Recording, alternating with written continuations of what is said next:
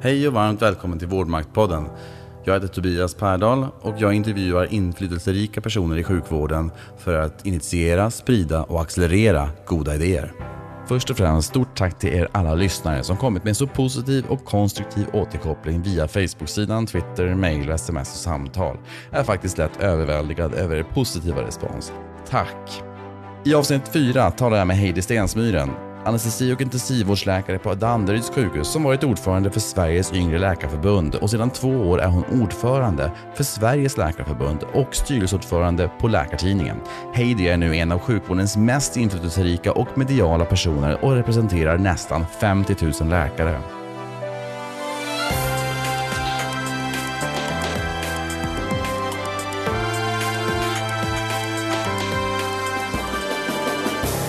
Idag talar vi om hur man får pulsökning varje kväll, om läkarstudierna i Tyskland och om utmaningar och framgångar som facklig ordförande. Om arbetsmiljö för läkare och schemaläggning på kvällar, helger och nätter. Om digitalisering av sjukvård, om värdebaserad vård, ja, och mycket annat såklart.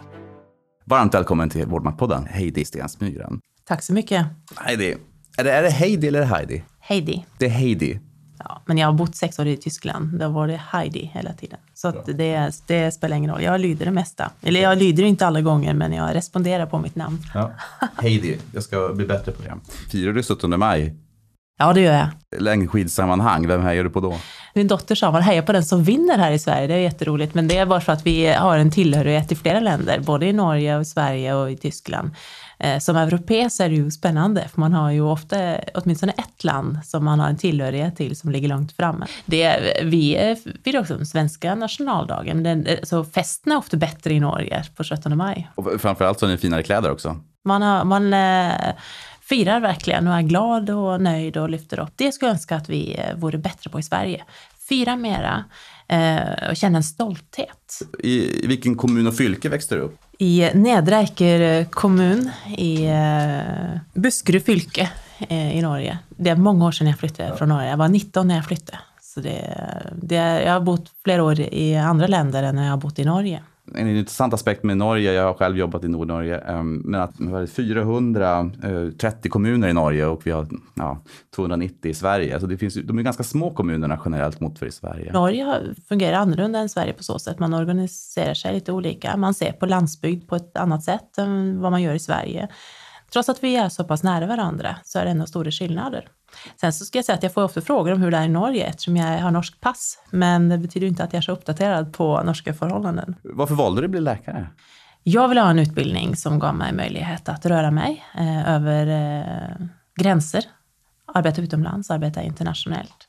Jag ville också utbilda mig i ett eh, annat land så att jag skulle kunna lära känna en annan kultur och ett annat språk. Och jag visste att det skulle inte vara ett engelskspråkigt land. Så således så tittade jag lite runt och eh, jag hade stort intresse av, eller hade åtminstone ett stort intresse av eh, naturvetenskap och matematik. Och den kombinationen, då är medicin ganska självklart. Man kan röra sig och läkare är ju kosmopoliter. Vi kan arbeta i olika länder, i olika kulturer. Vi kan använda vår kunskap till att hjälpa människor överallt. Så den är väldigt gångbar, läkarutbildningen. Men du studerade i Tyskland på ett universitet som heter University of Würzburg. Ja, ett litet medicinskt fakultet i, i Bayern, ett katolska området, väldigt tyskt, väldigt traditionellt och mitt i Europa. Jättespännande. Man kunde ta nattåget till Paris eller Milano.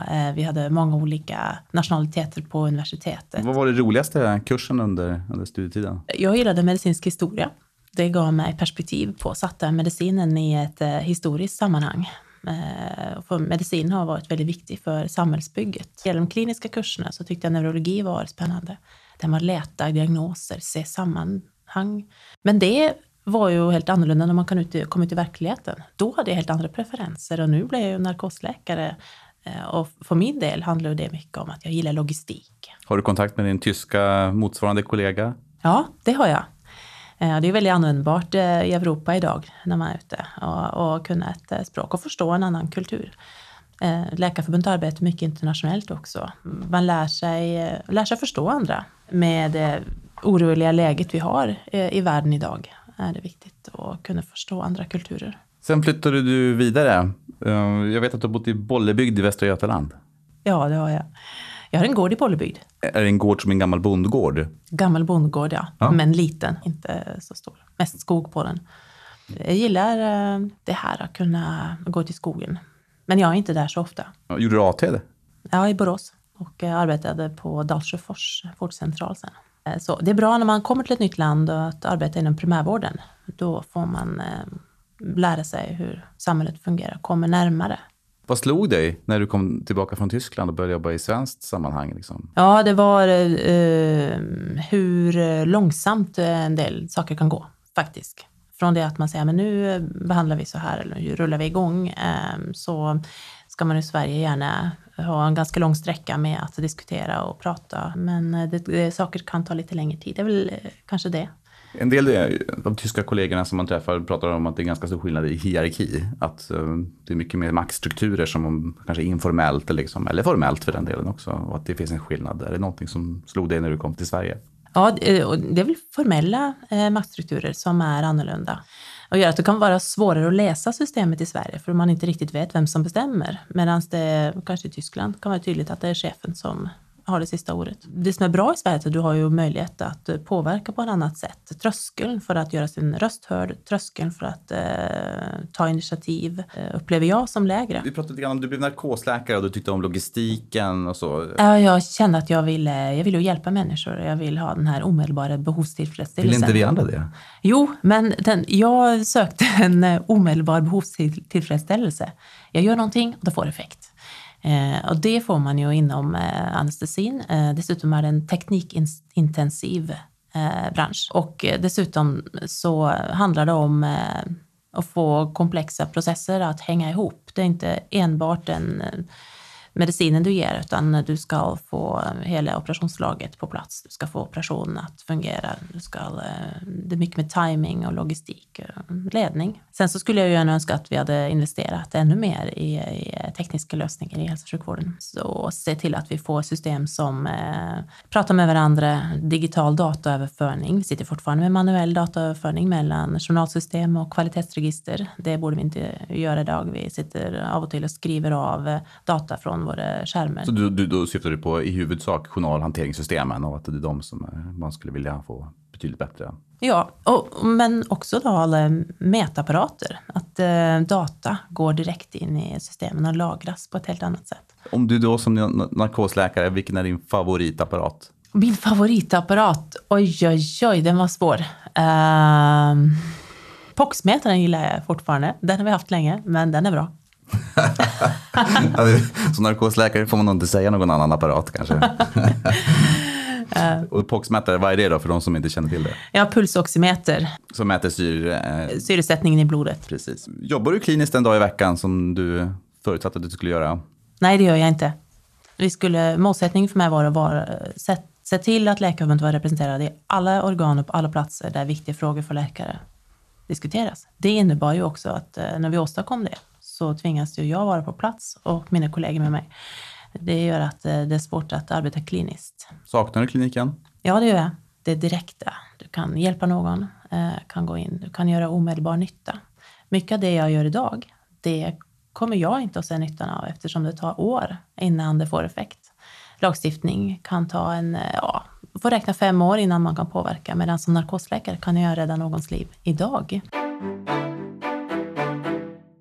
Det uppstår ju ibland ganska dråpliga händelser i sjukvården och utan att röja personkänsliga detaljer, har du någon dråplig, rolig sjukvårdshistoria? Ja, många av de historier jag har, de är ju förknippade med att det är en, en fråga mellan mig och patienten som eh, vi håller, som jag inte berättar utanför. Jag hade en patient som återkom till mig ofta på ett distrikt eh, och eh, symptomen varierade något enormt.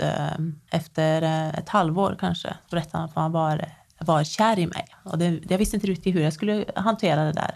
Och jag, jag tänkte, hur kunde jag få bise det här? Eftersom patienten återkom hela tiden. Eh, Då kanske var jag som förträngde det här, att eh, jag inte kopplade att eh, det kanske inte var de här symptomen. Jag vet inte. Hur gjorde du då? När du, fick du hjälp av det med, det här, med den här situationen? Pratade du med någon mentor eller med någon handledare? Nej, jag fick ju äh, prata med patienten och ja. så att det är inte möjligt. Att de fick byta doktor äh, och, och, så. Äh, men det var en trevlig patient och vi hade ett trevligt samtal. Men annars så har man ju varit med om många andra mycket mer dramatiska situationer som har påverkat mig, tagit ja, berätta. riktigt. Det kan vara patienter som man har arbetat med under en längre tid eller eh, tragiska händelser och där man inte kan hjälpa patienten. Ja, det kan vara patienter som opereras och eh, det går bara inte att stoppa blödningen och patienten avlider till sist. Jag kan säga som Läkarförbundets ordförande kan jag ofta slås av vilka olika verkligheter vi lever i. För läkare måste ju hantera de här frågorna varje dag, varje natt, hela tiden. Eh, och det kan vara frågor som man på myndighetsnivå diskuterar hur man ska kunna ta fram riktlinjer för. Efter två år har man tagit fram en riktlinje, man går via Sveriges kommuner och landsting och så försöker man implementera det och så frågar man sig varför läkaren inte lyssnar ännu och gör som man brukar göra. Men då ska man ju veta att under de här två åren så har läkarna hanterat det här och tvingats hantera de här problemen varje dag. Eh, och då blir det väldigt fel när beslutsfattare frågar sig eller tycker att läkarna är svårstyrda. För läkarna har ju i brist på stöd och riktlinjer hanterat situationen länge. I vården misslyckas vi alla någon gång och som ledare och förebild för många kan det vara bra att dela med sig om egna erfarenheter av att göra fel. Har du själv varit inblandad i någon patienthandläggning som inte gick bra men där du lärde dig något som du vill dela med dig? Mm. Vi har som narkosläkare, det är kanske ingen, eller jag vet att det är ingen unik historia, men jag har råkat ta fel eh, läkemedel en gång eh, i en eh, pressad eh, situation. Eh, ett eh, läkemedel som patient absolut inte skulle ha som utlöste en, en slags kedjereaktion.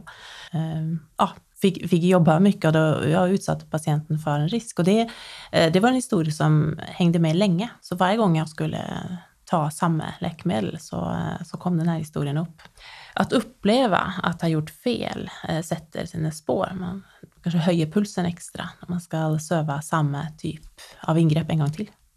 Det kan jag säga. Och jag, jag trodde nog att jag skulle hantera det mer eh, eh lättsamt, att jag skulle förutsätta att ja, men det är klart jag också gör fel. Men för mig så var det tufft att göra fel. Men, det, eh, det, tror jag du delar med många, att eh, om man bär med sig de här felen, eh, förmodligen resten av livet. Ja, och sen, men så har vi också dåligt på att komma ihåg att den mänskliga faktorn som gör att det inte går fel många gånger. Det är ju skillnad med, med flygbranschen kanske.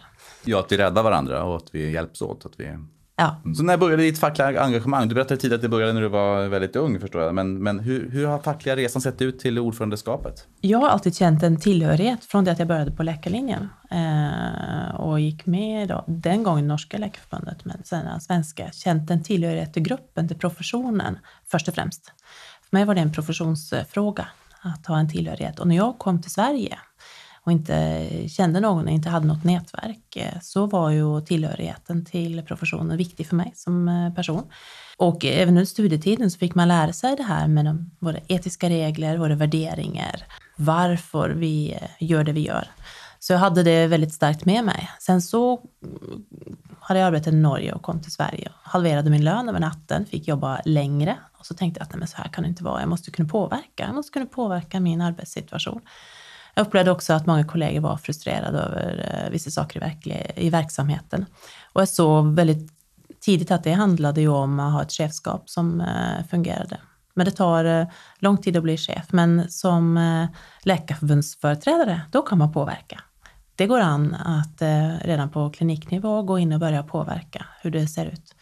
Och det gjorde att jag engagerade mig. Var du med om någonting särskilt där du, där du var med och påverkade någonting på lokal nivå? Ja, en av de första var som konkret sak på att vi ville, ville byta jourrum helt enkelt. Och eh, vi, vi, tog upp det gång på gång och fick till sist byta jourrum. Vi ville hänga upp någon eh, informationstavla någonstans och då handlade det om på svenskt vis att gå via samverkan och lyfta det på olika sätt. Men, men då kunde jag direkt påverka på kliniknivå. Vi kunde göra lönekartläggningar på kliniknivå. Jo, man kunde visa på att eh, till exempel eh, den kliniken jag jobbar på låg sämre till i lön än jämförbara kliniker i landet. Konkreta exempel? Ja, eh, och jag tror nog jag är rätt konkret i mitt arbete generellt sett. Jag tycker att det viktigaste är att åstadkomma någonting. Och det blir lätt när man pratar på den här nivån att man pratar om visioner och man pratar om de stora penseldragen. Men sen så ska det konkretiseras och bli någonting. Har du några eh, stora fackliga framgångar som du... Jag har varit med i, om många saker. Ofta är man ju en liten bricka i det hela. Jag har eh, haft en avgörande eh, roll, tror jag, när det gäller att Ipuls idag heter Lipus och finns som bolag. Håller på med spurinspektioner och granskningar. Berätta, vad är, för, vad är det för bolag och vad var det som hände? Ja, det är ett, nu ligger verksamheten i ett dotterbolag som vi har och eh, de eh, arrangerar spurinspektioner och granskningar av eh, utbildningar. Och det är viktigt för professionen att vi har en verksamhet som granskar och utvärderar kvaliteten i ST-utbildningen, AT och ST. Att vi har en kvalitetsgranskning av kursverksamhet. Verksamheten hade ganska stora utmaningar för att få ihop det och då frågan kom upp om man skulle fortsätta eller inte. Och då gick Läkarförbundet in och, och vågade satsa och idag så är det en välfungerande eh, verksamhet som ligger i ett dotterbolag hos oss. Så det är ju varit konkret. Sedan så har jag varit väldigt aktiv i att arbeta för att ST-läkare ska få fasta anställningar. Tidigare hade man inga fasta anställningar, man gick på vikariat och hade otrygga anställningsförhållanden. Eh, och det har vi nu kommit bort ifrån, så de allra flesta ST-läkare idag har fasta anställningar. Det har vi jobbat med. Jag har jobbat aktivt för att få upp eh, professionsfrågor högre på agendan. Det här att eh, läkare tar stort ansvar i verksamheten. Därför ska vi ha en, en medicinsk ansvarig som har en roll. Vi pratar om det på ja, hög politisk nivå. Får patienten möjlighet att återkomma till samma läkare? Eh, kan vi bygga in i ersättningssystemen att kontinuitet har ett värde? Det vill säga att få, få patienten återkomma till samma doktor det är frågor vi har jobbat aktivt med. Men har det skett någonting? Har patienter i större utsträckning fått komma till sin läkare oftare? I vissa landsting eller regioner och på vissa sjukhus har man nu börjat att ha det som kvalitetsparameter eh, om man kan komma tillbaka till samma läkare. Och alla politiska partier har nu eh, tagit att man vill ha en patientansvarig läkare också. Och det är en framgång. Så, eh, och vi förväntar oss att den också får genomslag i regelverket. Så, och att när vi mäter det framgent, att det visar att, att man får oftare ja. och, kontakt med sin läkare? Eller precis. Sin läkare. Och målet måste ju då vara att eh, på vårdcentralen att eh, patienten naturligt och direkt eh, blir listade på en läkare och inte på ett hus. Den som blir listad på ett hus har ju inget värde. Ett hus känner ju inget ansvar och ringer upp en och frågar hur, hur man har det, utan att vi vi går över till att lista på läkare, för det spelar roll om man har en eh, fast läkarkontakt. Och de här framgångarna som du tar upp nu, firar du dem på något sätt? Då? Vi har varit dåliga på att fira inom Läkarförbundet, men nu firar vi lite mera. Att man kan eh, sätta sig ned, ta en paus i vardagen och säga att hej, det här gjorde vi faktiskt bra.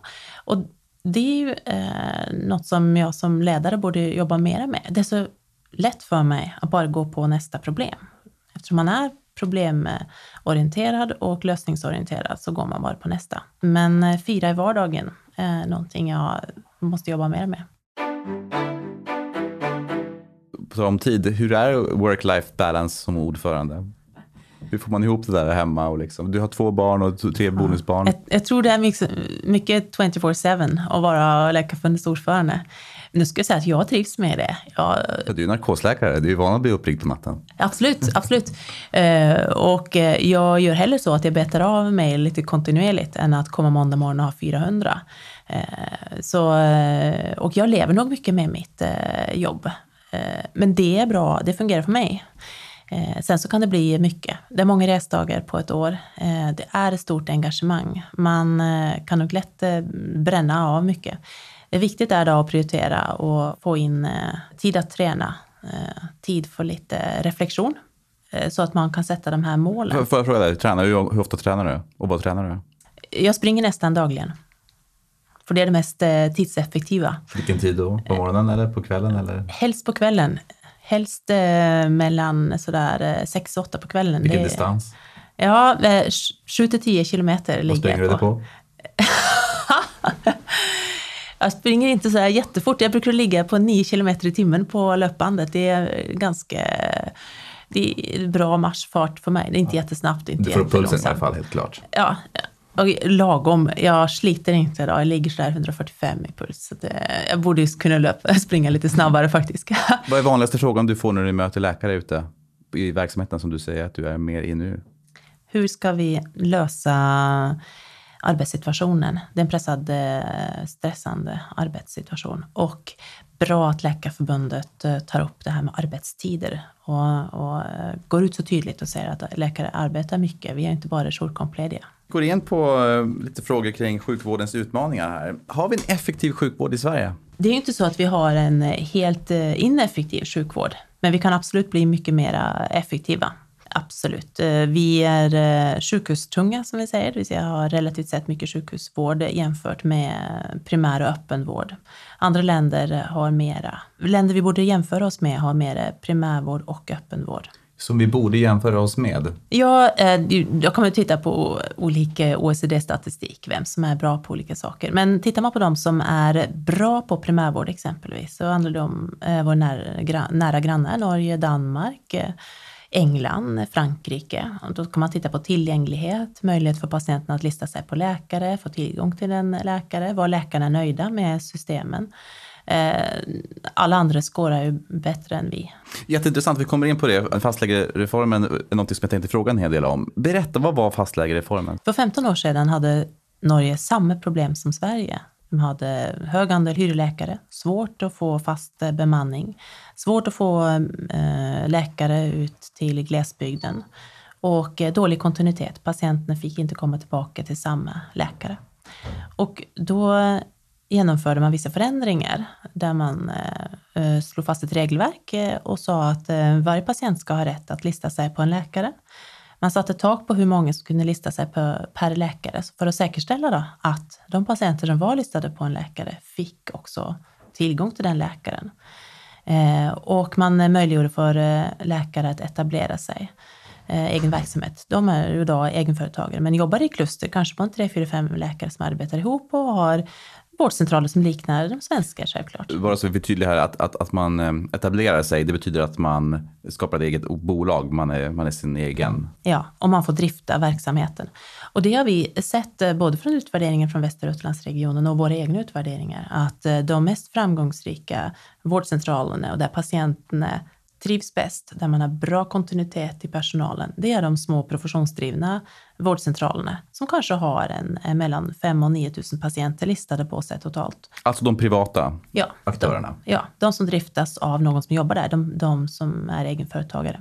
Mm. Intressant. Varför tror du det är så? Ja, man möjliggör då på att eh, drifta sin egen enhet och då eh, får man kortare beslutsvägar, eh, man får eh, möjlighet att drifta det eh, själv. Och det ger eh, det, det tar tillvara det engagemanget som finns. Och läkare har alltid vara, varit fria yrkesutövare. Landstingen blir väldigt stora enheter och det är alltid någon annan som bestämmer. Man har enormt många riktlinjer och, och regelböcker inom landstingen eh, och eh, har inte samma möjlighet att påverka sin arbetssituation. Och det, det var det som gjorde att man i Norge inom två år var fullbemannade inom primärvården. Vi har också tittat på alla länder som har en välfungerande, väl utbyggd primärvård. Då driftas de ju av eh, egenföretagare på egna enheter. Sen så måste vi ha en modell som passar i Sverige.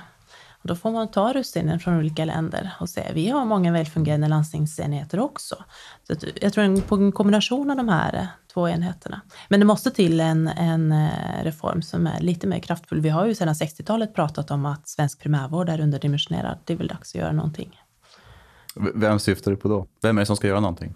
Ja, eh, för att få ett regelverk så krävs det lagstiftning. Då behöver vi eh, ut, utvidga vårdvalet och göra någon justering av vårdvalet så att man möjliggör full utbyggd primärvård i hela landet oberoende av var folk bor någonstans. Fullt utbyggd primärvård, mm.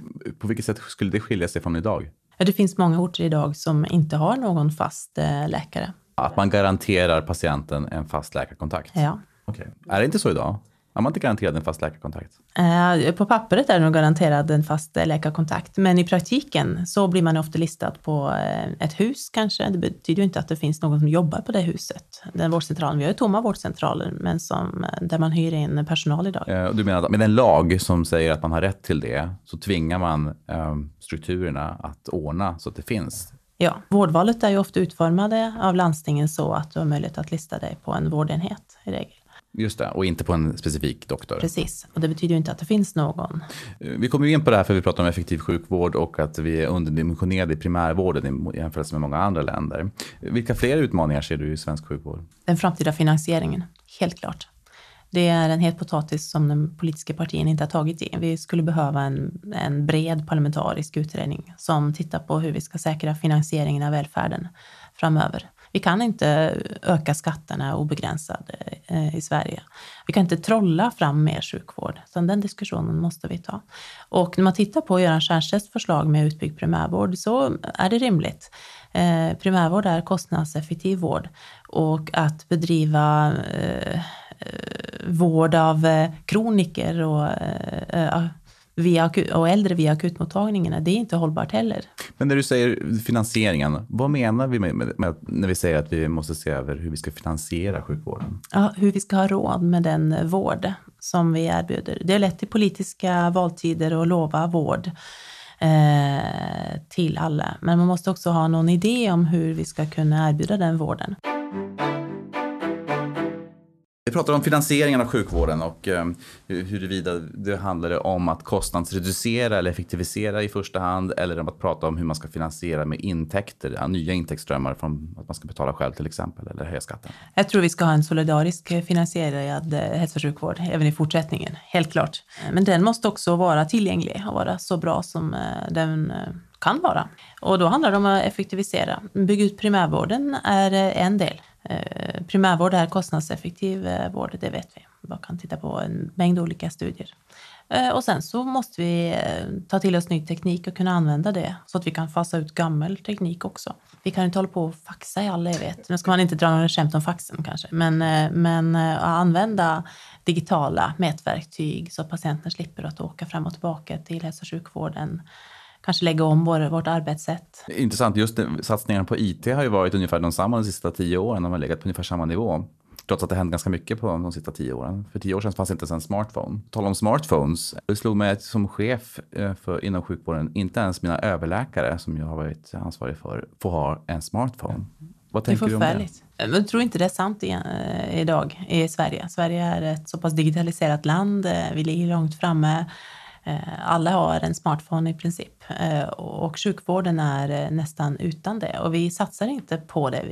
Vi investerar inte vare sig i hårdvara eller mjukvara så som vi borde göra. Vi borde investera mer i digitala tekniker vi borde samordna mer också. Vi har ett litet beställarkontor i varje hörn av Sverige idag som beställer egna, egna system. Så vi vi ligger långt efter där vi borde ligga. Man tittar på Estland som nu inför helt nya system exempelvis. Vad gör de där? Berätta. Ja, de köper in ett, ett komplett system för hela landet och fattar nationella beslut på ett annat sätt. Man tittar på Danmark fattar man också på nationell nivå beslut om vissa insatser. Vi behöver inte följa deras modeller, men det måste finnas någon samordning så att vi kommer vidare. Och det är väl Sveriges eh, liksom paradgren och akilleshäl att eh, samverkan ska ske och ska verkställas och den tar tid. Samverkan, vilka är partnerna i den här samverkan? Jag säger det. Eh, när det gäller digitala system så har jag förvånats över att eh, beslutsfattandet verkar ligga på allt för många händer eller inga händer. Det är som en hal tvål, den som ska fatta beslut om investeringar och genomförande av digitala projekt. Jag har lyft frågan i alla samverkansgrupper som jag har suttit i och på alla nivåer och eh, det är alltid någon annan som också måste vara involverad i de här processerna. Så jag skulle säga att ett av Sveriges största problem är avsaknaden av beslutsmandat. Varför är det så? Vi har ju då en mängd olika landsting och regioner eh, som alla har eh, att besluta om de här sakerna och i Sverige verkar ju alla ha vetorätt. Men om, någon, om man ska ha beslutsmandat att kunna, kunna overrida en sån här veto, då måste måste det ju ändå vara ett, ett ledningssystem. Ja, det måste vara, ja, det måste vara någon som har det yttersta beslutsmandatet. Men tittar man idag så är det ju inte så att vår hälso och sjukvårdsminister har mandat att fatta beslut här, utan det ligger ute på varje enskild landsting. Och rent konkret, för att ändra det så krävs det lagändring? Eh, man kan göra det via lagändring. Alltså för min del spelar det ingen roll om man blir överens på Hornsgatan här borta eller om det blir en lagstiftning som säger att eh, eh, någon institution, ett myndighet eller ett departement har beslutsmandat.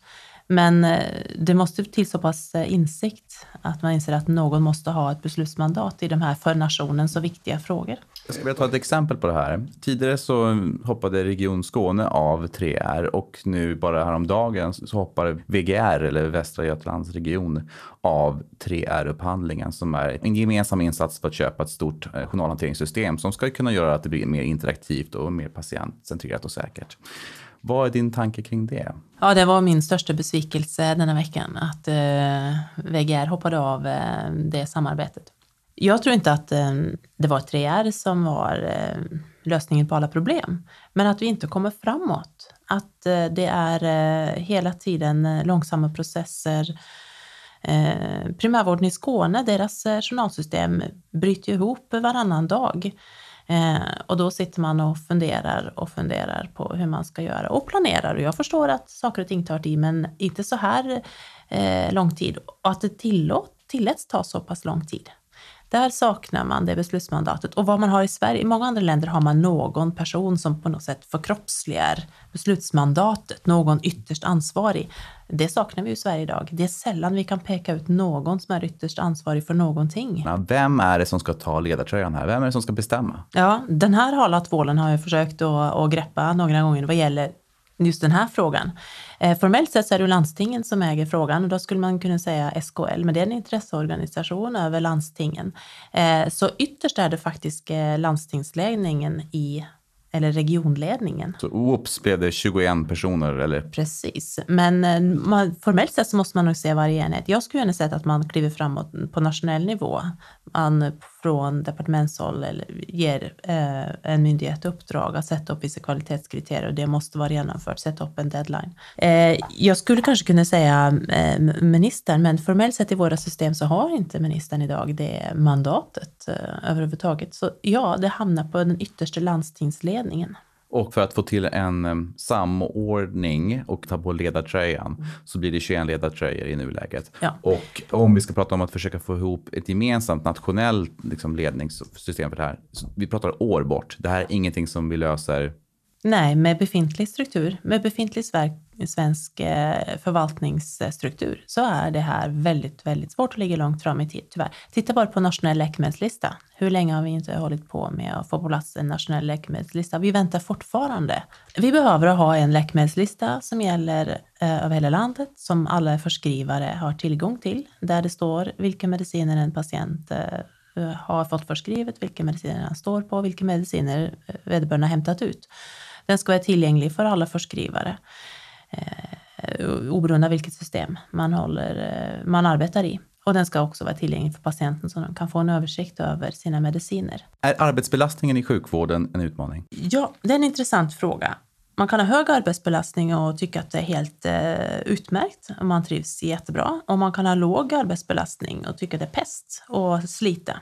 Så arbetsbelastning i sig är inte problemet. Problemet som svensk hälso och sjukvård har och som drabbar läkarna är när man har hög arbetsbelastning och liten möjlighet att påverka sin arbetssituation. Och där är vi i Sverige idag. Eh, vad vi ser i Sverige idag är att man har liten möjlighet att påverka sin arbetssituation och i kombination med att man arbetar mycket och dessutom har ett stort ansvar. Och det är farligt och vi ser också idag att eh, sjukskrivningen ökar bland läkare. Och läkarna står ju kvar ofta med ansvaret för patienter som inte får någon vårdplats. Eh, lösa, eh, ofta löser ju vi kapacitetsbristen på golvet på natten. Där står vi med konsekvenserna av underfinansierad vård. Precis. Och vad är dina tankar om vårdplatstillgången i Sverige? Det är ju så att vi har ungefär två vårdplatser per tusen invånare och Finland har 50 procent fler varav stora delar av Europa har två eller tre gånger fler vårdplatser än vad vi har per, per, per capita så att säga. Ja, och inte minst inom intensivvård, där ligger vi också illa till vad gäller vårdplatser. Vi har eh, få vårdplatser i Sverige idag och, och eh, har haft det genom år och det sliter och det kräver att vi som läkare tar ett enormt stort ansvar ute på golvet för att eh, hushålla med de eh, få vårdplatser vi har. Eh, och beläggningsgrad som ligger uppemot 100 procent ligger över 100 procent I genomsnitt ska sägas. I genomsnitt, precis. Det är inte acceptabelt. Det är inte acceptabelt för patientsäkerheten, det är inte acceptabelt gentemot befolkningen, det är inte acceptabelt med den situation man sätter läkarna i som har det yttersta medicinska ansvaret. Det är en helt eh, oacceptabel situation och vi har kombinerat med långa väntelistor. Och det här handlar om hur man organiserar eh, sjukvården och tar tillvara resurserna. Men är det inte jätteresurseffektivt det här? 100 procent beläggning på ett hotell vore ju fantastiskt. Fantastiskt, Du tjänar ju hur mycket pengar som helst. Ja, eh, och det är ett alltför enkelt resonemang. För man vet att en optimal eh, beläggningsgrad är inte 100 procent. Eh, den är kanske 85 procent med en dragspelseffekt. Och här handlar det om, om kvalitet och patientsäkerhet. Sverige har eh, flest läkare och sjuksköterskor eh, jämfört med många andra länder. Eh, så det är inte där det ligger. Det handlar om hur vi organiserar arbetet och hur man också tar in fler händer i vården. För det är vissa vårdavdelningar som har väldigt låg bemanning. Men, men det är jätteintressant, du tar upp det också, att vi har fler läkare och fler sjuksköterskor per capita än nästan något annat land som vi jämförs med, åtminstone i Europa. Ändå upplever många det att det saknas händer. Mm. Vad beror det på? Vi eh, måste också se till att vi använder andra yrkesgrupper än läkare och sjuksköterskor. Vi ska inte göra andra arbetsuppgifter än de vår kompetens krävs eh, för. Och ta in eh, fler undersköterskor, fler medicinska sekreterare, fler assistenter, eh, använda läkarassistenter, använda flera yrkeskategorier. Då tänker man ju så här, okej, okay, ska man inte ändå schemalägga vårdpersonalen och kanske läkare i synnerhet i större utsträckning på kvällar och helger eftersom vi har patienter som behöver hjälp dygnet runt? Ja, vi har eh, patienter som behöver dygnet runt och eh, läkare är schemalagda i stor utsträckning eh, idag och annan personal är också schemalagda. Men eh, för att ha en hög kontinuitet och en bra tillgänglighet så krävs det att läkare är på plats på dagtid framför allt. Det är då den största delen av vården genomförs. Det är då patienterna också söker vård. Jag har själv som narkosläkare varit med om att väcka patienter klockan 9, 10, 11, 12 på natten eller på kvällen för att de ska eh, få sin eh, operation. Eh, och det är inte därmed sagt att patienten hade själv valt att bli opererad klockan 22 på natten. Men arbetar läkarna mer i Sverige jämfört med andra länder? Jämför man med Norge och Danmark, så våra när, närmaste grannländer, så arbetar nog Sveriges läkare minst lika mycket.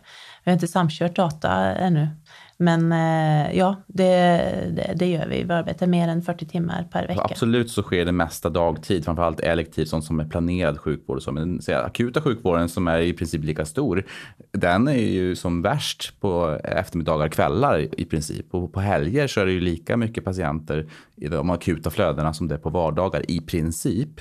Men ändå så drar sjukhusen ner sin verksamhet markant de här tiderna. Mm. Och då, det är ju man, olika sätt att angripa det. Mm. Dels så måste vi utöka kapaciteten på dagtid så att vi inte har så många som ligger när man går på jouren klockan fem på akutmottagningen. Att man har 32 patienter i kö som väntar, eh, spill, som spiller över efter dagen. Så dels måste vi se till att eh, vi dimensionerar kapaciteten på dagtid när läkarna helst ska vara i eh, tjänst. Sen så är läkare i tjänst dygnet om. Vi, vi, vi går ofta långa pass men också kortare pass beroende på vad verksamheten eh, behöver. Så det är inte så att läkaren inte är i tjänst eh, eh, dygnet om. Idag är det ofta så att eh, jouren är i tjänst på ett annat sätt än vad man har varit eh, tidigare. Och många läkare arbetar också utöver kvällen så man har nog en högre bemanning på kvällen än vad man har haft tidigare.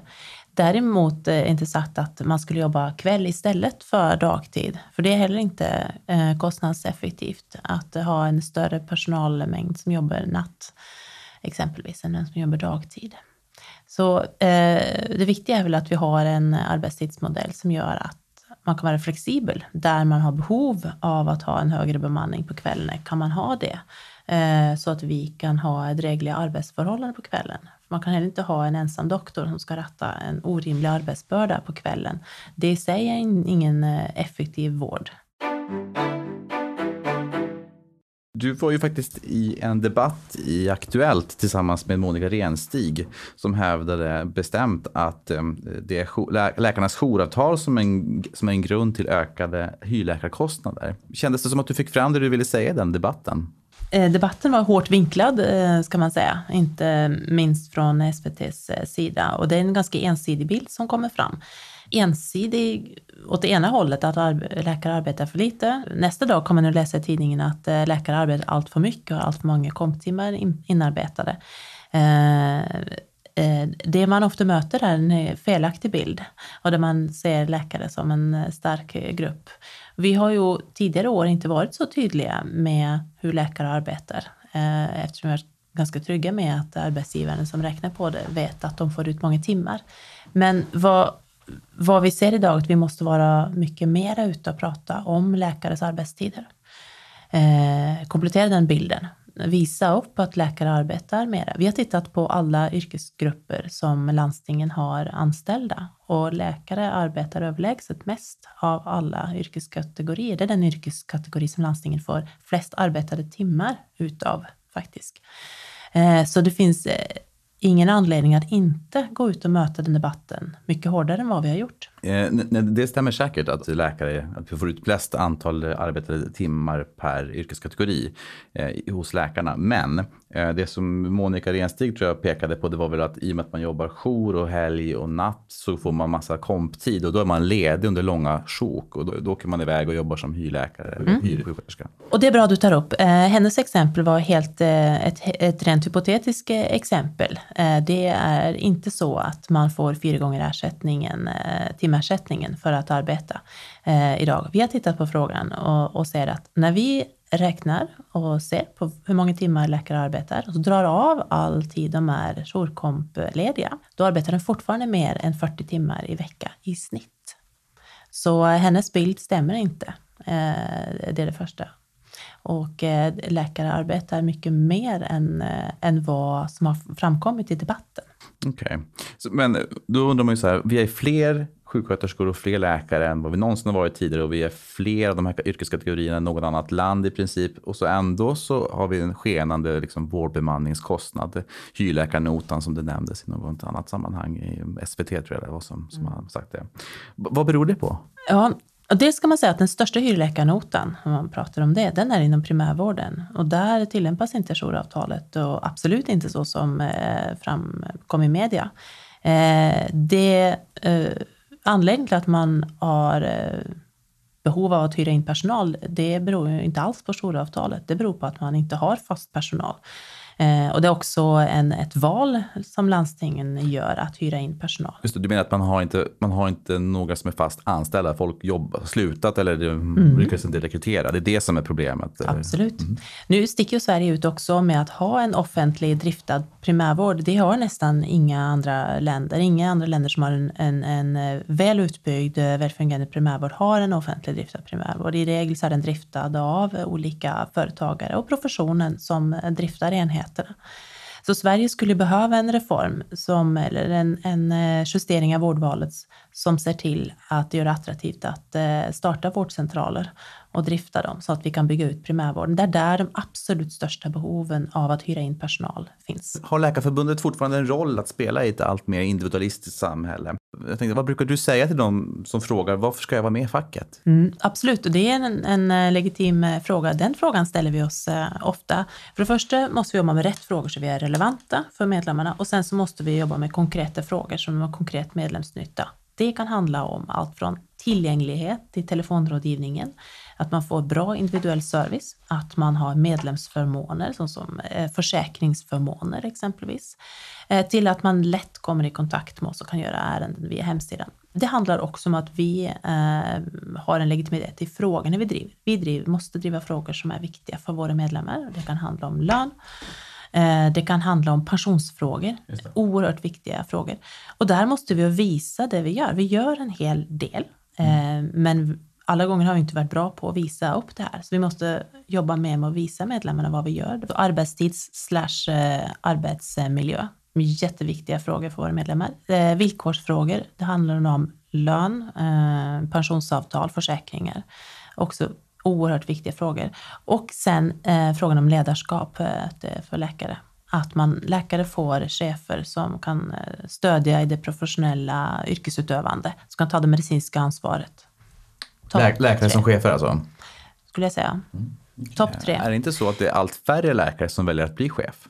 Jo, och det är ett problem. Det är ett stort problem för svensk hälso och sjukvård att det är färre läkare. Varför är det ett problem? Jo, För chefen har en väldigt viktig roll. Ja, det är, det är en självklarhet, men som chef så ska du kunna ge yrkesutövarna som är under dig stöd i, i arbetet. Kunna, medarbetare måste kunna lyfta etiskt svåra frågor, svåra prioriteringsfrågor, kan ge ett stöd i yrkesrollen.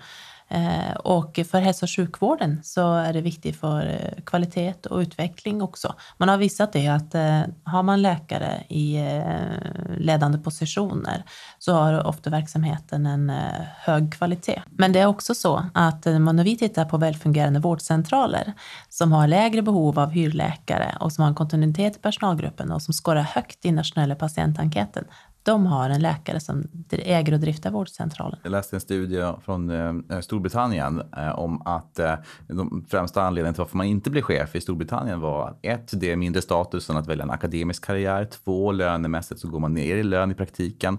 Och tre, se ner på de som jobbar administrativt. Mm. Alltså i Storbritannien? Ja, jag skulle kunna säga att vi kan nog överföra de eh, resultaten direkt på eh, Sverige idag. Och därför måste vi också uppvärdera chefskapet. En verksamhetschef i Sverige idag borde ha högre lön än vad de har eh, idag. Vilka är de viktigaste åtgärderna för att uppnå mer effektiv och bättre sjukvård? Eh, förutom att bygga ut primärvården, som vi har pratat om, man måste investera i digitala tekniker, de här systemen. Man måste våga och ta eh, det steget. Eh, och sedan så måste vi prioritera mindre enheter, tror jag. Små effektiva enheter. Vi har haft en övertro i Sverige på att eh, stort är bra. Och eh, all erfarenhet visar ju att det blir inte mer effektivt. Eh, man sparar inga pengar, tvärtom har man kanske en större administrativ överbyggnad. Så satsa på små effektiva enheter. De kan ju gärna tillhöra ett större komplex, eh, men eh, se se värdet i det. Och så tror jag att man måste ha med professionell ledning också, att läkarna är med och, och driftar vården och leder vården för att det ska bli effektivt. Eh, och eh, jag tror också att man måste öppna upp för mer eh, entreprenörskap i vården, att enheter eller mottagningar där de har idéer på hur de skulle kunna organisera sig bättre får lov att göra det. Så det är inte alls, allt måste godkännas längst upp i systemet, utan att det lokala ledarskapet är oerhört viktigt. Låt det lokala ledarskapet få friare händer skulle jag säga. Göran Stiernstedts utredning Effektiv sjukvård eh, tar också upp det här med att man satsar på primärvård men man tänker också så flytta hela akuta patientflödet till liksom, primärvården. Vad är dina tankar kring det? Jo, det är ingen eh, dum tanke men innan vi pratar eh, remisstvång så måste jag först bygga ut primärvården. Göran Stiernstedts utredning eller eh, lägesbeskrivning är ju bra, eh, inte kontroversiell på något sätt och ganska välkänt. Eh, det vi saknar är ju konkreta förslag på hur vi ska åstadkomma det där. Men där så um, säger man väl ungefär det du har alldeles nyss sagt, det vill säga den normala tvålen. Liksom, det är 21 landsting och det är de som bestämmer lokalt rent konkret. Ja, vi saknar beslutsmandat eh, i Sverige. Där dock kommer socialdepartementet in. Där kan man genom lagstiftning vässa eh, vårdvalssystemet så att eh, man säkerställer en fullt utbyggd primärvård. Och man skulle behöva ett uppdrag till en utredare som får, får den färdigskrivna rapporten från Stiernstedt men får konkret uppdrag att lägga förslag så att lagstiftningen åstadkommer fullt utbyggd primärvård. Även om du har en jourhavande funktion som screenar eh, innan man skickar in patienten till akutmottagningen så är ju patienten som är akut svårt sjuk fortfarande på fel ställe. Ja, men då kan man titta på de exempel som finns eh, då. Och där visar man ju inte att man har de problemen utan har man en primärbedömning så verkar man komma rätt. Var, vad syftar du då på? Särskilt har vi tittat på Norge och där verkar den prehospitala vården eh, fungera eh, så pass bra att man kan eh, ge hjälp tidigare. Eller vad tycker du?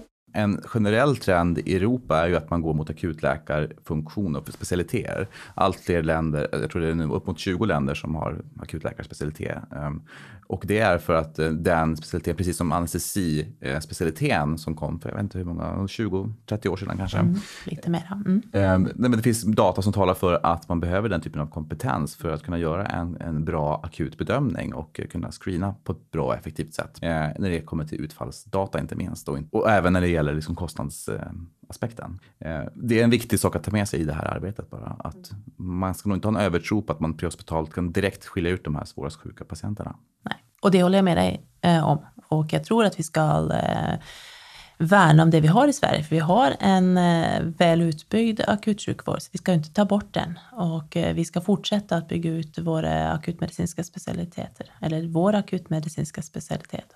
Hur ser du som Läkarförbundets ordförande på nya arbetsgivare som Kry och Min Doktor och Medicheck och många fler som, som kommer nu, som, är, som, som har det här virtuella vårdmötet som, som affärsidé.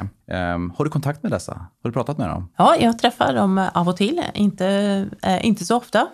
Men eh, jag tittar på deras verksamhet, tycker den är spännande och eh, de kommer inte bara att vara våra uppdragsgivare, de kommer ju också att driftas av läkare och delvis är de utvecklade av läkare. Inte minst det tycker jag är väldigt väldigt eh, spännande.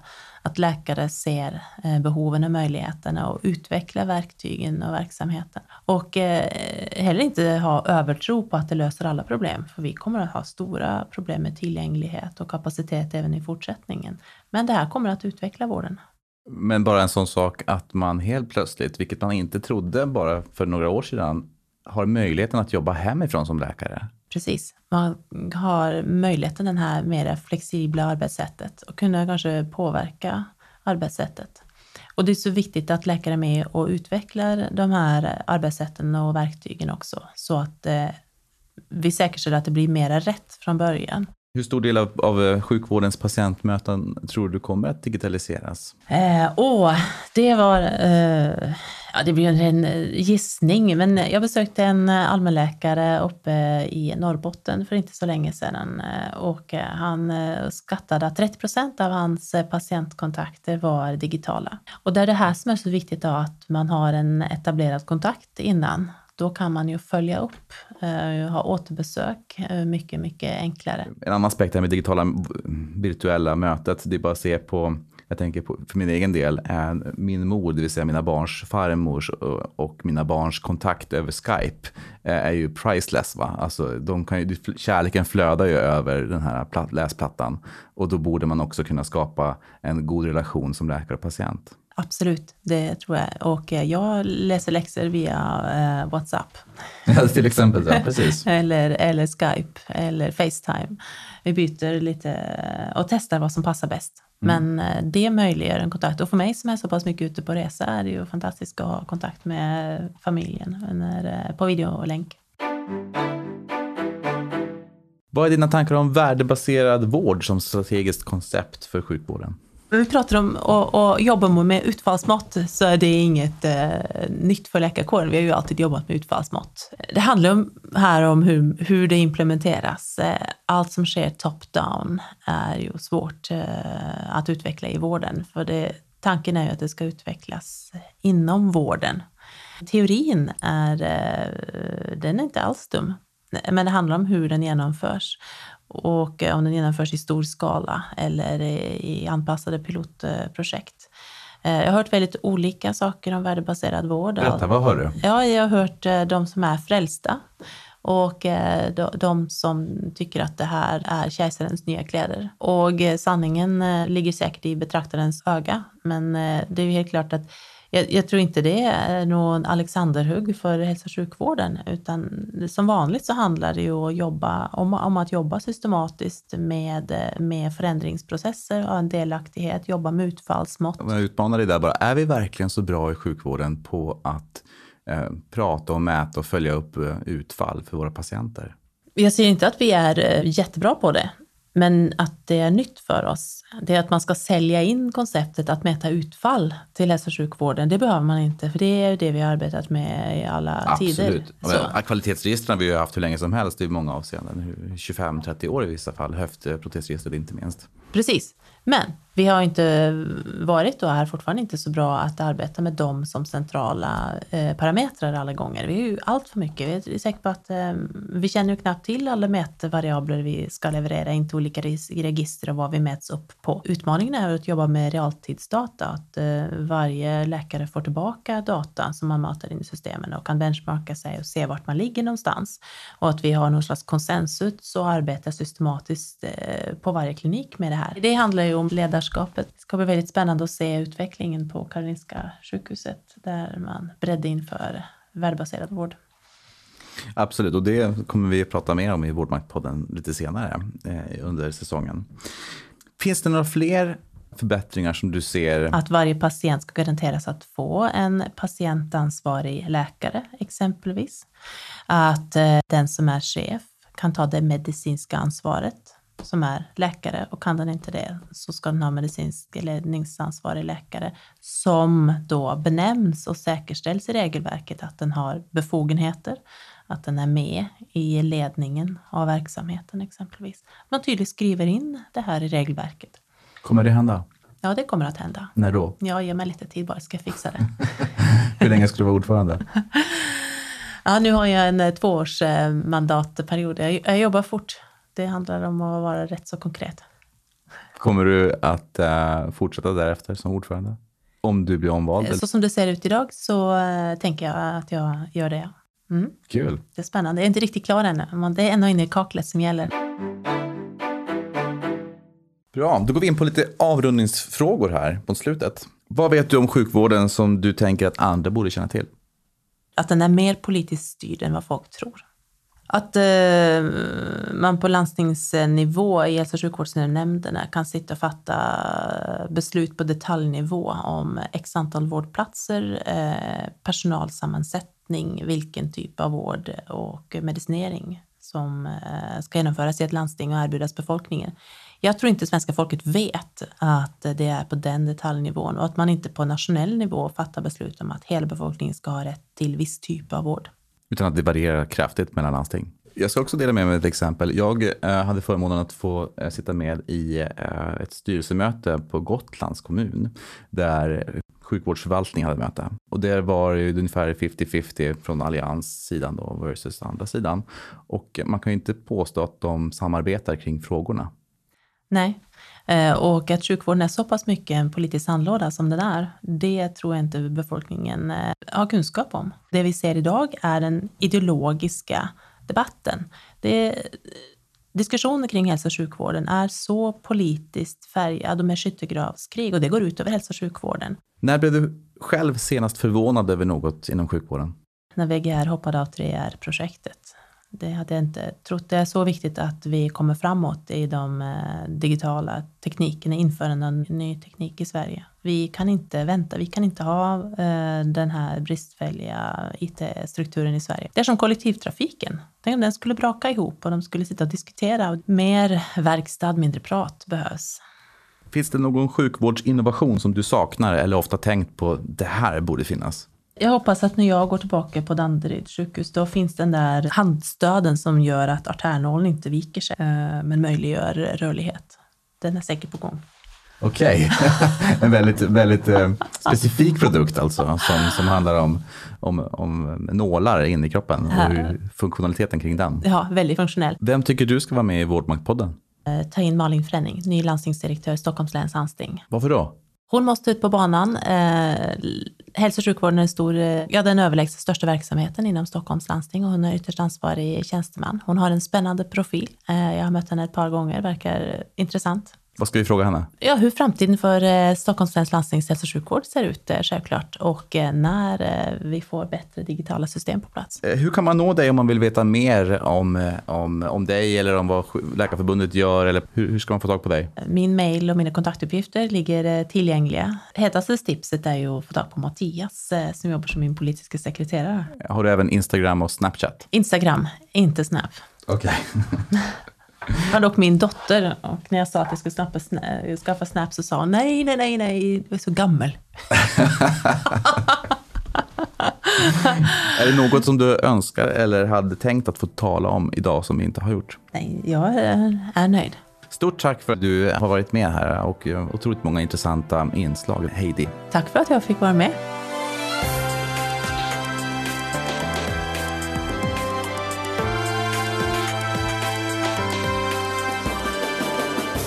Jag hoppas att samtalet med Heidi Stensmyren gav dig nya tankar.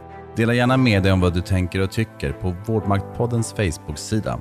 I nästa avsnitt träffar jag Peter Berggren, chef för Glesbygdsmedicinskt centrum i Storuman och jag hoppas du vill lyssna på det.